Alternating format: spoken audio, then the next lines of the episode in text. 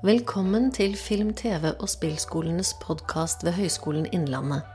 I denne podden møter du fagansatte, stipendiater og studenter ved landets ledende utdanningsinstitusjon innen det audiovisuelle feltet, dvs. Si de som jobber, underviser, forsker, virker og lærer ved Den norske filmskolen, TV-skolen og spillskolen.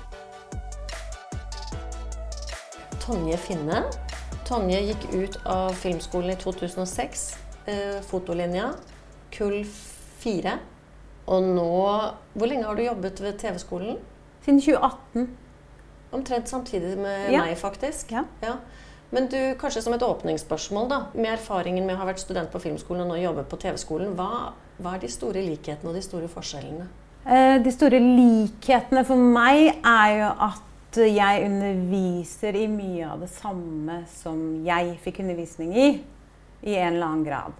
Så, øh, og øh, likheter er også, tror jeg, at alle vi som jobber der, ønsker mye av det samme for øh, våre studenter, som jeg opplevde at mine lærere på filmskolen ønsket for meg. Samme type ambisjonsnivå.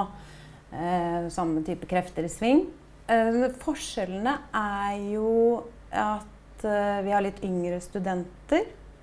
eh, som ofte ikke har så mye forkunnskap. Sånn at inngangspunktet Det har jeg måttet justere mange ganger. Og det blir jeg liksom aldri helt klok på. Eh, Det må jeg tilpasse til studentene. Hvor, hvor starter jeg på en måte læringskurven? Det andre er jo at vi er jo ikke linjedelt på samme måte. Vi er litt linjedelt, men ikke hele veien. Mm.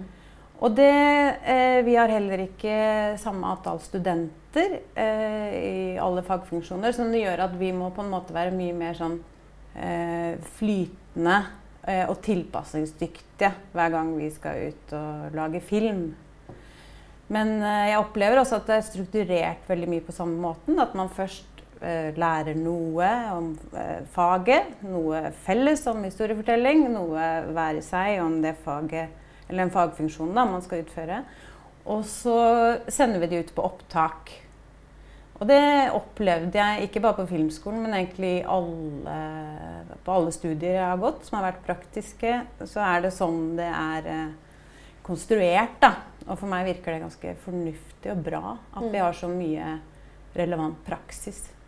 Nettopp. Jeg tenkte at vi skulle benytte denne samtalen og snakke litt om eh, de produksjonene, den kunstneriske utviklingsprosessen, eller det arbeidet du bedriver ved siden av jobben på TV-skolen. Fordi du er jo ansatt i Er det en 50 %-stilling? En 50% stilling. Ja. Og så jobber jeg 100% som uh, filmfotograf ved siden av. Nei da, men det er sånn det føles mye av tiden. ja, jeg tror det er mange av oss som har det på den måten. Uh, Men du har nettopp vært ute og jobbet ganske lenge med TV-serien Side om side. Ja, Fortell litt om det. altså Side om side eh, Dette var min andre sesong, så nå hadde jeg blitt litt klokere siden første. Det er eh, organisert sånn at jeg jobber med regissør Marit Aastein. Vi gjør fem episoder. Og det er eh, to kamera i opptak samtidig, så jeg har to operatører, og sitter jeg på monitor. Så jeg er den som snakker eh, som setter opp bildene og lyset med lysmester og sånn. Og så er jeg den som har dialogen med Marit og mine skuespillerne også, da. Så det er en sånn sjefsfotografrolle. På hvilken måte snakker du med skuespillerne da? Nei, jeg, eh, jeg sier Marit sier at jeg er veldig god på dette. Så jeg sier sånn Jeg lurer på om du, etter du har sagt det, kunne du bare ha gått dit? Sånne ting sier jeg. Men det handler om å liksom prøve å få sant, to kamera samtidig. Eh, er jo en vanskelig ting å gjøre optimalt for to bilder samtidig. Så det handler om det å prøve hele tiden å få det til å fungere i to bilder samtidig uten at skuespillerne skal føle så mye på det. Så det blir liksom min jobb sånn jeg ser det. Når du da jobber på en ren dramaproduksjon med ganske høyt pro- innspillingsvolum, vil jeg tenke, altså dere jobber ganske hurtig, eh, hva er det i den erfaringen du gjør der som er relevant for undervisningen din på TV-skolen? Um, Det er sikkert det er mye, men hva tenker du kanskje er mest relevant, da, for å spørre om det? Hvis noe er mer relevant enn noe annet. Det er jo Altså Nå for eksempel, så skal tredjeklasse på TV-skolen gjøre TV-serie. Det er ikke så ofte vi gjør, egentlig. Og de hadde lyst til å filme med to kamera samtidig, men det er en dokumentarsetting. Eh, og jeg med min erfaring, da, selv, fra, selv, om det er mest fra fiksjon, jeg har også gjort noe dokumentar med to kamera, eh, vet på en måte om alle fallgruvene i det som de ikke vet om. Så da møtes vi i studio, og så setter vi opp to kamera. Så sier vi hvordan, hvordan har dere tenkt dette? Og så spiller noen av de er foran kamera, noen er bak. Og så møter vi på hindringer, og så gir jeg de noen råd rett og slett da, etter hvert. Jeg prøver jo å la det løse det selv, men eh, OK, hvis dere, denne løsningen ble sånn jeg ville kanskje gjort det sånn og sånn. Og så ser vi på det. Og så sier jeg ikke noe er riktig, dere må selv velge, liksom. Og, og i dokumentar så må man jo også ta det litt som det kommer.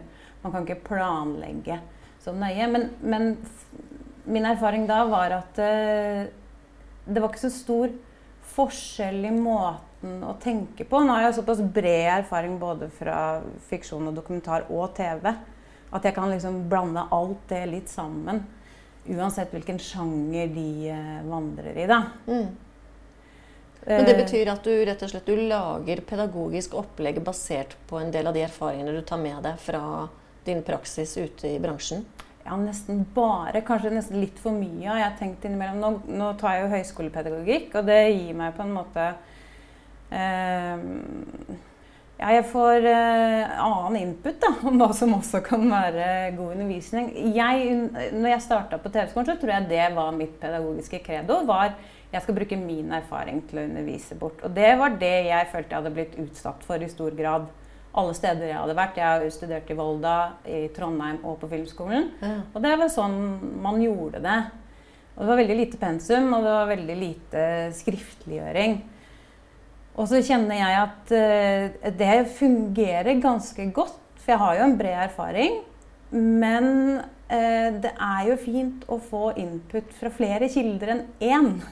Uh, sånn at jeg, jeg, jobber med å utvide det repertoaret, men, men jeg henter mye av det praktiske undervisningen fra min egen praksis. Men hva slags andre typer kilder er det du finner relevant da, i undervisningen? Det kan jo være mange, men det vil jo være input fra andre fotografer om hvordan de løser ting. Sånn Gjestelærere er jo veldig gunstig. Mm. Eh, men også pensumbøker, rett og slett. Og eh, pensumfilmer, kanskje? Og pensumfilmer, ikke minst. Men da må de også selvfølgelig settes opp sånn at de klarer å analysere det. Mm. Så sant, En gang man får en sånn idé, så, så, vokser den seg veldig stor. For det er mange ting man ønsker å ta tak i det med undervisning. Og, og undervisning, selv om jeg har gjort det i fem år, så er det jo relativt nytt for meg. Mm. Så det startet da kanskje med en litt sånn Det startet med at jeg tenkte sånn Hva har jeg å lære bort? Og så, så setter du i gang, og så skjønner du ja, men jeg har mye kunnskap. Eh, det må jeg skriftliggjøre og sette ord på. Og det har igjen eh, vært veldig gunstig for meg i jobbsetting. Men har du skriftliggjort din egen kunnskap? Ja, jeg må jo det hele tiden. På hvilken måte da? Nei, Hvis jeg skal snakke om, um, om lyssetting Eller ikke snakke om, men altså ha um, undervisning da, mm. i lyssetting eller i operering, i å gjøre en lang tagning. Uh, men jeg ville tenkt at du kanskje bare muntlig overleverer det i undervisningen i klasserommet. Men, men, er det sånn at du i tillegg også skriftliggjør det du snakker med dem om? Ja. I form av et kompendium, eller? Nei, det blir ikke så langt. Til slutt kan det sikkert bli et kompendium, ja. Men, men, jeg samler opp og så legger det ut da i Canvas, sånn at de kan liksom oppsøke det ja, nettopp. i etterkant. Ja. Interessant. Eh, ja, fordi eh, det bør jo være en viss eh, Det bør jo være litt konstant. Mm. Og, og, når jeg har vært ute i opptak, så, så, har jeg lært noe nytt og spennende. Da har jeg kanskje mer lyst til å holde på med det. Mm. Men igjen, da må vi gå tilbake til hvor kan jeg gå inn eh, i kurven deres. Så jeg, jeg, kan ikke starte hvor jeg vil i min egen erfaringskurve. Mm. Jeg, må, jeg må liksom tilpasse meg det òg. Nå dunket ja, fotografen borti mikrofonen. jeg kjente det. Jeg blir jo så irritert når Men det var veldig det gøy før vi startet opptak her, fordi at eh, det vet jo alle vi som jobber med film, at de som ikke jobber med film, de vet jo ikke hvordan man skal lett håndtere en mygg. Men det gjorde du veldig kjapt. I alle fall, tilbake til eh, hva du driver med når du er ute i, i praksis. Eh, du var jo også dypt involvert i denne serien som het 'Therese jenta som forsvant' ja. eh, på NRK. Og der drev dere mye med rekonstruksjon. og skape materiale til dokumentarserien. Mm. Fortell litt hvordan jobbet dere da? Altså, dette er jo historien om hun lille Therese som ble kidnappet. Vi, vi Vet fremdeles enda ikke hva som egentlig skjedde. Når var dette? På 80-tallet? var det det? Forsvant 3.7.1988. Forsvant sporløst eh, Fra et fjell i Drammen. fra fjellet i Drammen. Skulle på kiosken, kom aldri tilbake. Og hvor gammel var hun? Åtte? Seks? Åtte år? Åtte år. Åtte år. Og hvordan startet dere da? Tale Persen heter regissøren. og Jeg og Tale har jobbet sammen mange ganger. eh, Så det var hun som brakte meg inn i prosjektet. Og jeg hadde nok litt sånn skepsis til eh, denne sjangeren. Sånn Litt sånn true crime? True crime. Det heter sandkrim, kan vi kalle det på Sandkrim, norsk. Ja. Ja. Eh, Jeg tenkte nok som så at det er gøy å se på, ikke så gøy å lage. Fordi sånn historisk syns jeg det har vært et litt sånn ja, En tendens til nettopp sånne rekonstruksjoner da, som ser eh, ikke så bra ut, eller eh, som ikke fungerer så godt. da. Eh, men siden det var tale, så ga jeg det en sjanse, fordi vi jobber så godt sammen. Og så fikk jeg jo komme inn før prosjektet hadde gått i gang. Og i en sånn TV-serie så er ikke det liksom alltid gitt. Det skulle bli fem episoder av 45 minutter på NRK. Og jo, da regner de med å gjøre opptak i ca. et år. De regnet nok kanskje ikke med å gjøre fullt et år. Det kom noe korona inni der som, som utsatte litt. Men eh, jeg fikk være med helt fra start. Og noe av det første som jeg spurte om da, eh, som jeg tror rett og slett kom av at jeg hadde begynt å undervise, var hva er fortellerperspektivet? Og da ble de litt sånn Ja, nei, vi, vi vet ikke helt ennå. Og det syns jeg var veldig spennende. Og så det vi vet, er at vi vil ikke ha en programleder, og vi vil ikke ha en voiceover. Og da blir det enda mer spennende for meg som fotograf, for da skjønner jeg at da skal vi fortelle det med bilder og lyd. Mye, da. Og så finnes det selvfølgelig mye arkivmateriale. Så hadde vi tilgang på en del medvirkende. På Therese sin mor og på to politietterforskere som aldri liksom har klart å legge fra seg saken. Og på Therese sin søster som aldri har møtt Therese. Så er det ting som skal fortelles som har skjedd. Eh, og vi var ganske tydelig eh, Altså, kanskje fungerte så godt fordi vi har mye samme smak, da. Sånn at eh, det var ingen av oss som hadde lyst til å bruke en skuespiller til å personifisere Therese, f.eks. Eh, for meg så tror jeg det handler mye om at jeg syns noen ganger at hvis man legger seg for tett opp til sannheten, så blir det litt sånn at jeg tar avstand fra det. Det blir nesten så det blir åpenbart for meg at det er usant. Så vi ønsket kanskje mer å antyde, skape stemning, eh, skape en slags et slags eh, avtrykk av et minne som du kanskje kan relatere til. Og som kan hensette deg til på en måte en eller annen tanke som berører deg. Så eh, vi visste jo at det var, mange, var en del ting vi visste allerede fra starten. At dette skal vi eh, visualisere. Sånn som hva da?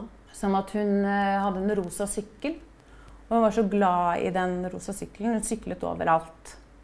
Så vi ville, ha, vi ville liksom formidle det på en måte. Så, og det jeg endte opp med å filme, det var um, Jeg gjorde noen tester selv. Mhm. På Jeg gjorde, lagde en gikk- Altså, vi hadde eh, dette møtet, og så var det sånn Ja, jeg er interessert, og så Ja, vi må snakke mer om hvordan dette skal se ut. Og så eh, avtalte vi et nytt møte med på en måte hele redaksjonen der vi skulle bestemme eh, en del formgrep. Og da gikk jeg hjem og tok mitt eget lille kamera og så filmet barna mine i diverse settinger. Eh, for å gjøre en mood-tape, for å gjøre en test. Sånn Var det jeg en måte å selge deg selv inn i prosjektet på? ja, det var i hvert fall en måte å selge min visjon og idé om det inn i prosjektet.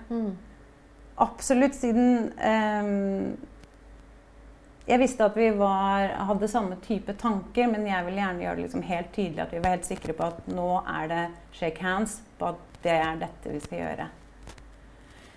Så, og det gikk, eh, det gikk bra. Og Mange av de visualiseringene, sånn som er hun på sykkelen, det, det ble noe lignende til slutt. da. Mm. Da ser du bare litt av sykkelen, bena som tråkker rundt, det er sol, du ser skyggene. på en måte. Og det er jo egentlig et ganske konvensjonelt true crime-grep. At du bruker en kroppsdel, dette med skygger osv. Mm. Det er verdt å se denne serien. Den ligger på nrk.no. Mm. Uh, jeg syns den står seg veldig, veldig bra. Og jeg tenker også at det er noe med måten dere bruker arkitekturen på i fjell, dette landskapet. Uh, disse blokkene. Eh, dette med dette lille barnet som forsvinner blant disse store husene. Eh, dere har virkelig, tenker jeg, visuelt sett klart å skape den fornemmelsen av tapet av dette lille mennesket i dette geografiske universet. Da. Eh, så det er bra gjort.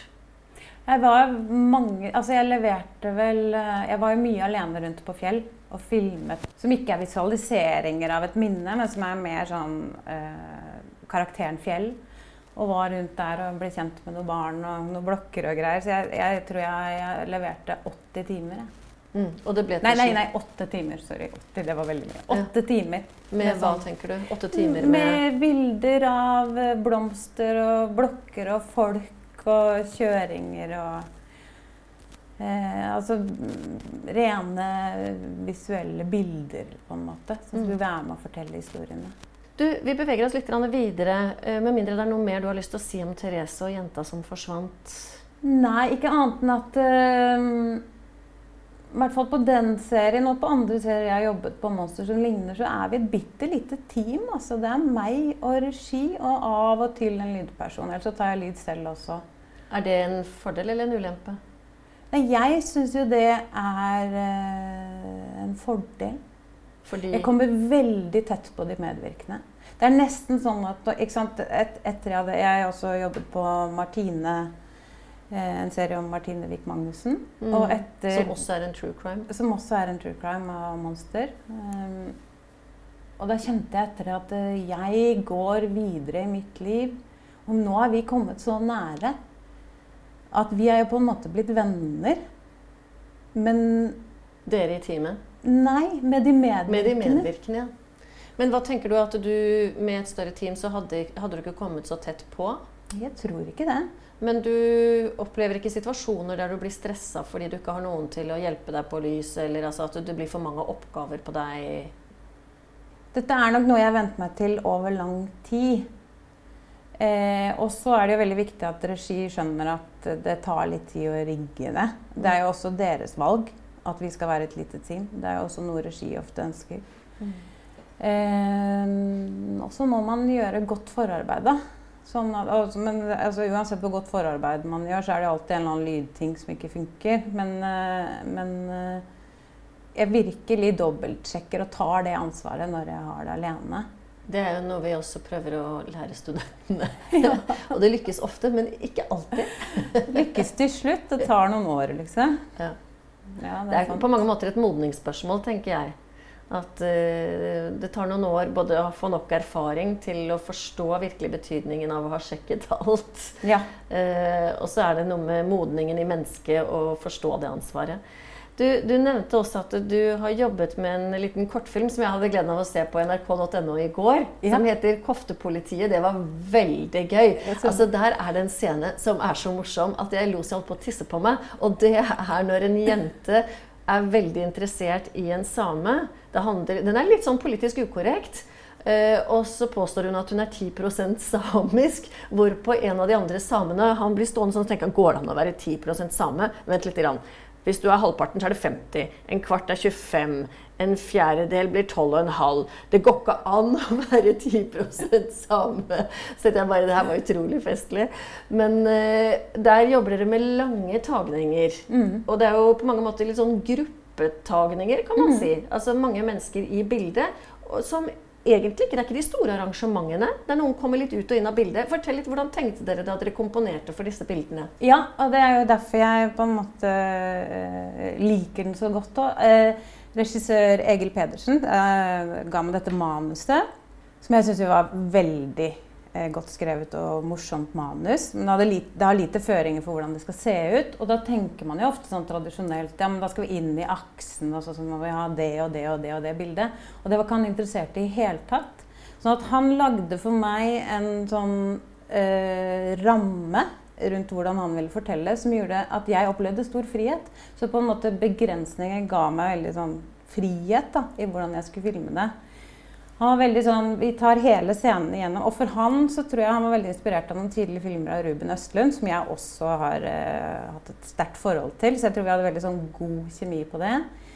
Og han, på en måte ville han jo Han ville stå langt unna og dekke det hele i et stort bilde. Uh, så fikk jeg overtalt han til å ta noen flere enn det ene store bildet. Men eh, tar hele scenen igjennom, og ikke noe, sånn, ikke noe ekstra utover det. Ikke noe sånn plutselig Å ja, burde vi ta det nært? Burde vi gå inn? Sånn. Nei, nei, vi, vi beholder perspektivet vårt hele veien.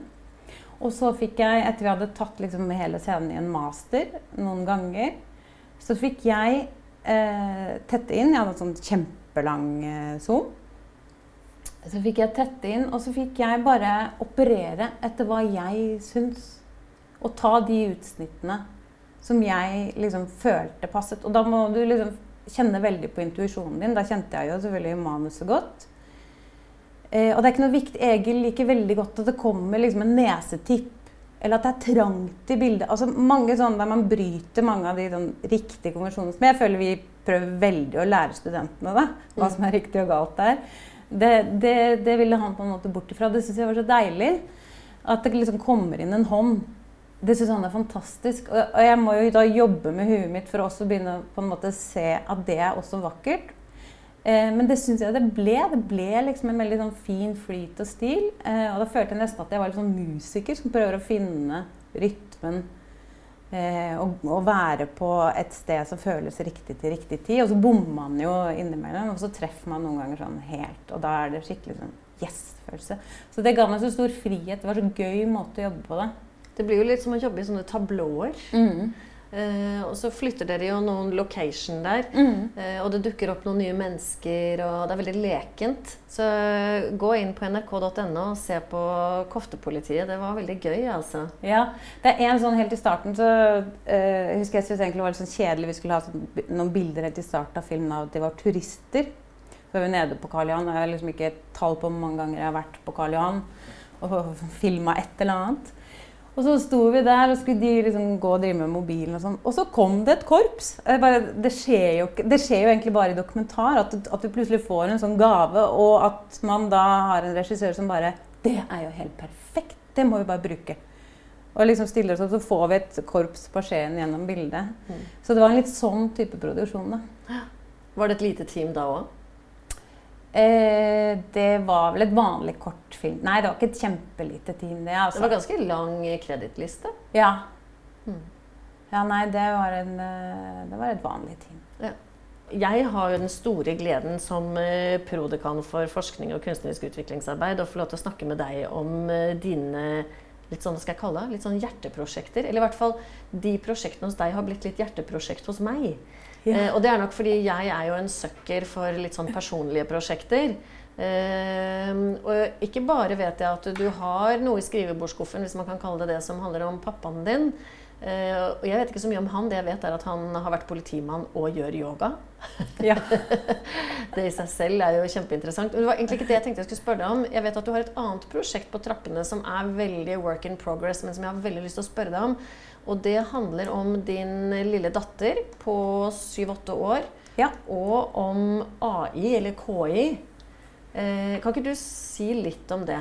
Jo, det kan jeg si litt om. Jeg um, Altså, kunstig intelligens uh, kommer uh, snikende innpå oss. Uh, og jeg føler mange er redde. Um, og så var jeg på fagdagen på NRK så så jeg at det er ganske mange flere verktøy her, som antageligvis har eksistert en god stund. Altså jeg har nok sovet i timen, men, men uh, som er, er, kraftige. Og som åpner for mange muligheter, tenkte jeg. Og så skulle vi stenge hytta, og så var det bestemor som var oppe med Oda. Uh, og så holdt hun på med sin fars telef gamle telefon. Og så spurte hun bestemor eh, når er jeg født. Og så fikk hun noe info om det.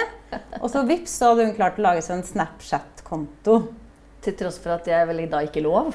Eh, ikke lov og ikke Altså Det er nesten så jeg ikke tør å si det høyt, ikke sant, fordi at uh, Hva er aldersgrensen på Snapchat? Det er 13 år, og så er det også sånn veldig sånn i, På skolen så skal alle foreldre være enige om at vi gjør ikke det før da og da. Og det har jeg jo egentlig ikke gjort, men nå ble det noe sånn, da. Og så kjente jeg at jeg kan jo ikke jeg kan jo ikke bare si nei. ikke sant? Må, nå må jeg prøve å håndtere dette her på en eller annen måte. Og så vekker det jo også den herre eh, Ja, men eh, Fordi hun syntes det var litt sånn gøy å chatte med roboten på Snapchat. Den er veldig hyggelig, sa hun. Så så hun liksom kikket sånn lengselsfullt på telefonen når hun måtte gå ifra den. Så tenkte jeg å, her er det noe. Så jeg bare OK, vi lager, vi lager en avtale, Oda. Du får holde på med dette så og så lenge, men jeg får dokumentere det. Kult. Ja, ja, det er greit. ikke sant. Og så er det jo litt sånn at Oda er, åtte år, hun kan egentlig ikke samtykke til det heller. Og jeg er moren, så det er mange etiske fallgruver. Så jeg tenkte hva Altså, Oda Nå er du skikkelig ute å kjøre? Det, jeg er skikkelig ute å kjøre. Men uh, så tenkte jeg Oda skal eh, snakke med en robot. Hva om jeg også bruker den samme teknologien til å gjøre henne altså, ikke identifiserbar? Hvert altså, jeg vil gjerne beholde lyden. Det er i hvert fall min opprinnelige idé. Og jeg kommer også til å beholde lyden av meg, for jeg kommer helt sikkert til å uh, være med. Men jeg vil bruke da Og her finnes det et hav av uh, teknologi som jeg har lyst til å sette meg inn i for å på en måte animere Oda. Jeg er innom mange ideer på hva jeg har lyst til å gjøre. Uh, og jeg har også lyst til at hun på et tidspunkt skal tegne denne roboten sånn ser ut oppi hodet hennes. Og så fins det egne programmer som kan eh, meget enkelt animere barns tegninger, som også er kunstig intelligens. Altså det er så mange Jeg blir helt sånn Jeg følte at det bare, når jeg kom på det, bare åpnet det seg dør etter dør. Eh, og da er det jo litt deilig å være under paraplyen av eh, høyskolen, sånn at jeg liksom kan, kan gjøre dette uten å, å, love noe til et eller annet produksjonsselskap. Eller, altså kan, dette er noe jeg må forske på. Får du tid fra høyskolen til å forske på dette? Det vet jeg ikke ennå. Ja, det, det, skal du kanskje søke om? Det må jeg søke om. Nettopp. Men du, eh, hva, hva blir Hvis du skulle pitchet dette her da, for f.eks. NRK eller en finansieringsinstitusjon, hva er historien, eller hva er, eh, hva er budskapet? Hva, hva, er prosjektet? Prosjektet er jo eh, litt grann den her debatten vi sitter oppi nå. Hva er kunstig intelligens? Skal det ta over? Eh, verden og jobbene våre. Og så kommer det et barn som bare Det var litt koselig. Som har en helt annen tilnærming til dette. Eh, så jeg tror jo på en måte det skal være innspill i den debatten. Samtidig som det også er et slags eh, eh, Hva kan vi gjøre med det som er, eh, som er kunstnerisk kreativt? Hvordan kan jeg bruke det som et verktøy uten at jeg skal gjøre noen andre arbeidsledig? Men, eh, men eh, hva kan det gi meg? Og I dette prosjektet så følte jeg at det, det gir mye. Men, eh, og du sa jo indirekte her i sted, eller direkte faktisk til og med, at du, sannsynligvis er en del av denne filmen selv. Og vi som er filmskapere, vi vil jo ofte ha konflikt og motstand da, for at det skal bli en historie. Ja. Eh, så betyr det at eh, den motstanden lille Oda, er det ikke Oda, mm. møter, er mor? Altså er det, er det, Har vi en sånn type historie her òg? At Oda på leting inn i KI-verden må Altså er det noe fordi tematikken tenker jeg den er ganske tydelig. Mm. Men tenker du deg liksom et, eh, en historie, et narrativ, der Følger vi Oda og hennes oppdagelsesreise inn i KI, eller har du ja, Er det noe eh, Det jeg har tenkt eh, og det er sånn jeg jobber i flere prosjekter nå som jeg gjør, du nevnte faren min. Jeg har flere sånne prosjekter nå som jeg prøver å gjøre på denne måten. Over tid. Altså, jeg trenger tid for å vise på en måte historien i det. Det er det egentlig alt jeg trenger. Mm. Sånn at uh, hvis, tenker, hvis, du filmer en halvtime da, hver måned, så vil man se hva er progresjon. Og så vil man kanskje se uh, ja, men, uh, at det finnes noen dramaturgi i det. Men egentlig ønsker jeg at, å gå tilbake til det å filme en scene og så klippe en scene ut av det du har filmet som en scene. Jeg vet ikke om dette gir mening, men jeg føler så ofte at man skal tenke på så mange ting når man lager film. Du skal tenke på klippebilder og hovedpersoner og hvilket format skal det ende opp i. At det på en måte Hvis man på en måte skal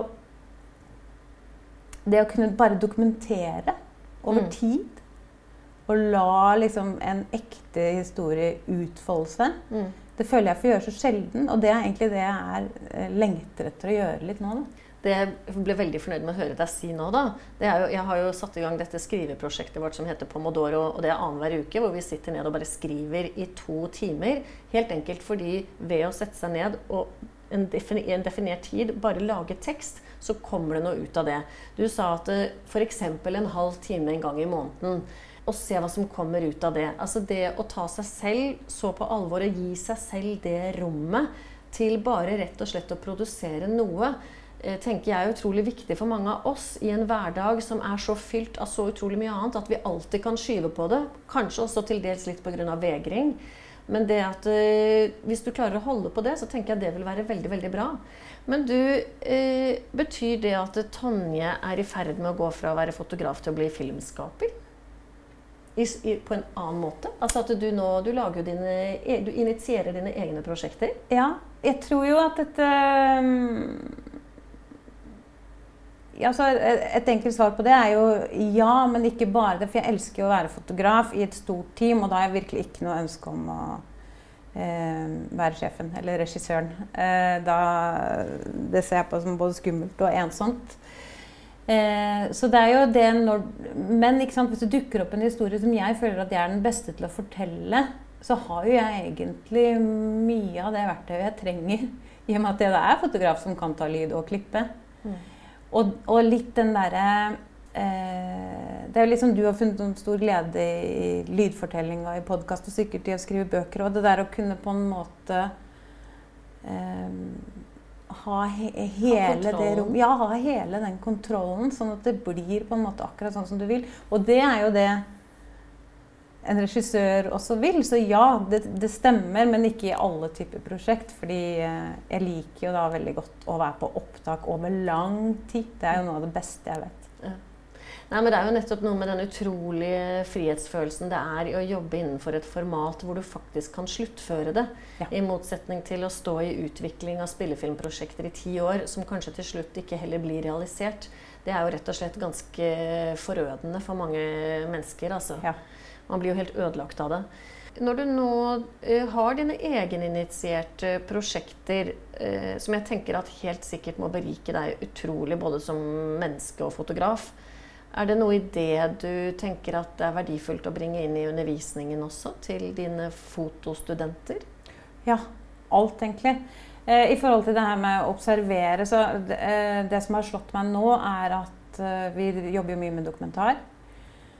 Eh, og kanskje noe jeg tar litt for gitt, er den lange tagningen. Så, også, det er også innmari vanskelig å lære bort. Hva, Hva, er verdien i den lange tagningen i dokumentar? Hva er verdien i å være i et rom og følge med på det som skjer, og gjenkjenne det som en, som en viktig hendelse eller situasjon, som er en scene som kommer til å bli i filmen? Det er kjempevanskelig eh, egentlig å sette ord på det til en eh, student som, som forholder seg til dokumentar som bilde med, med, annen lyd over.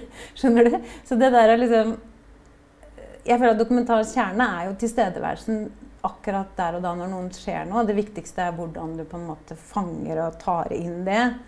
Og nå har jeg skjønt at, at det trodde jeg var opplagt. Eh, det er det jo selvfølgelig ikke. Det er sikkert noe jeg har lært meg gjennom lang, eh, masse erfaring. Mm. Eh, og da, da, er det jo det litt jeg utforsker. Og ved å gi det tid, så håper jeg jo på en måte at hvis jeg bruker tid i et prosjekt, så kan jeg kanskje klare å sette mer ord på hva det gir. da. Mm.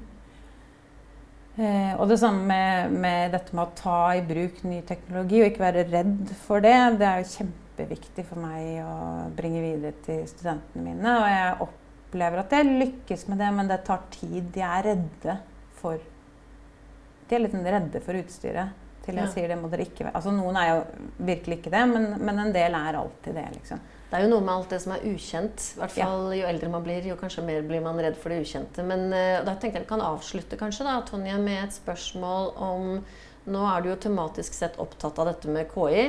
Uh, i, både fordi datteren din er opptatt av det, og fordi du har et prosjekt rundt det.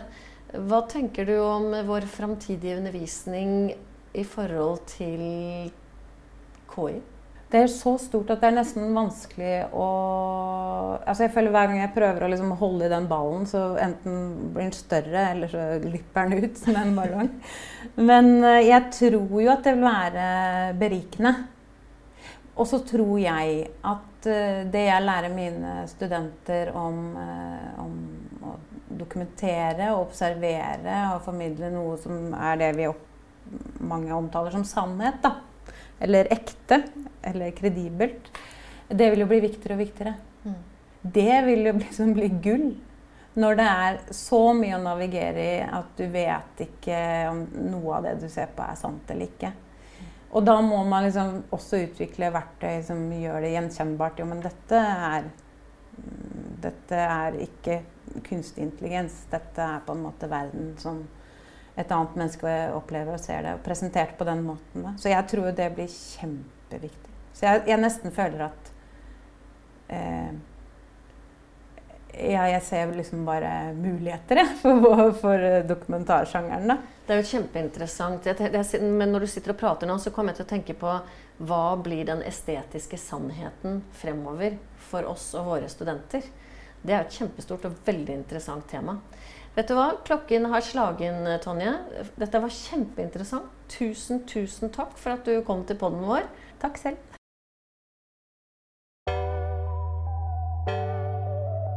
Takk for at du lyttet til Film-, TV- og spillskolenes podkast ved Høgskolen Innlandet. Klikk gjerne abonner i din foretrukne spiller, og du vil motta beskjed når neste episode blir publisert. Og føl deg for all del fri til å dele denne podden med alle du kjenner.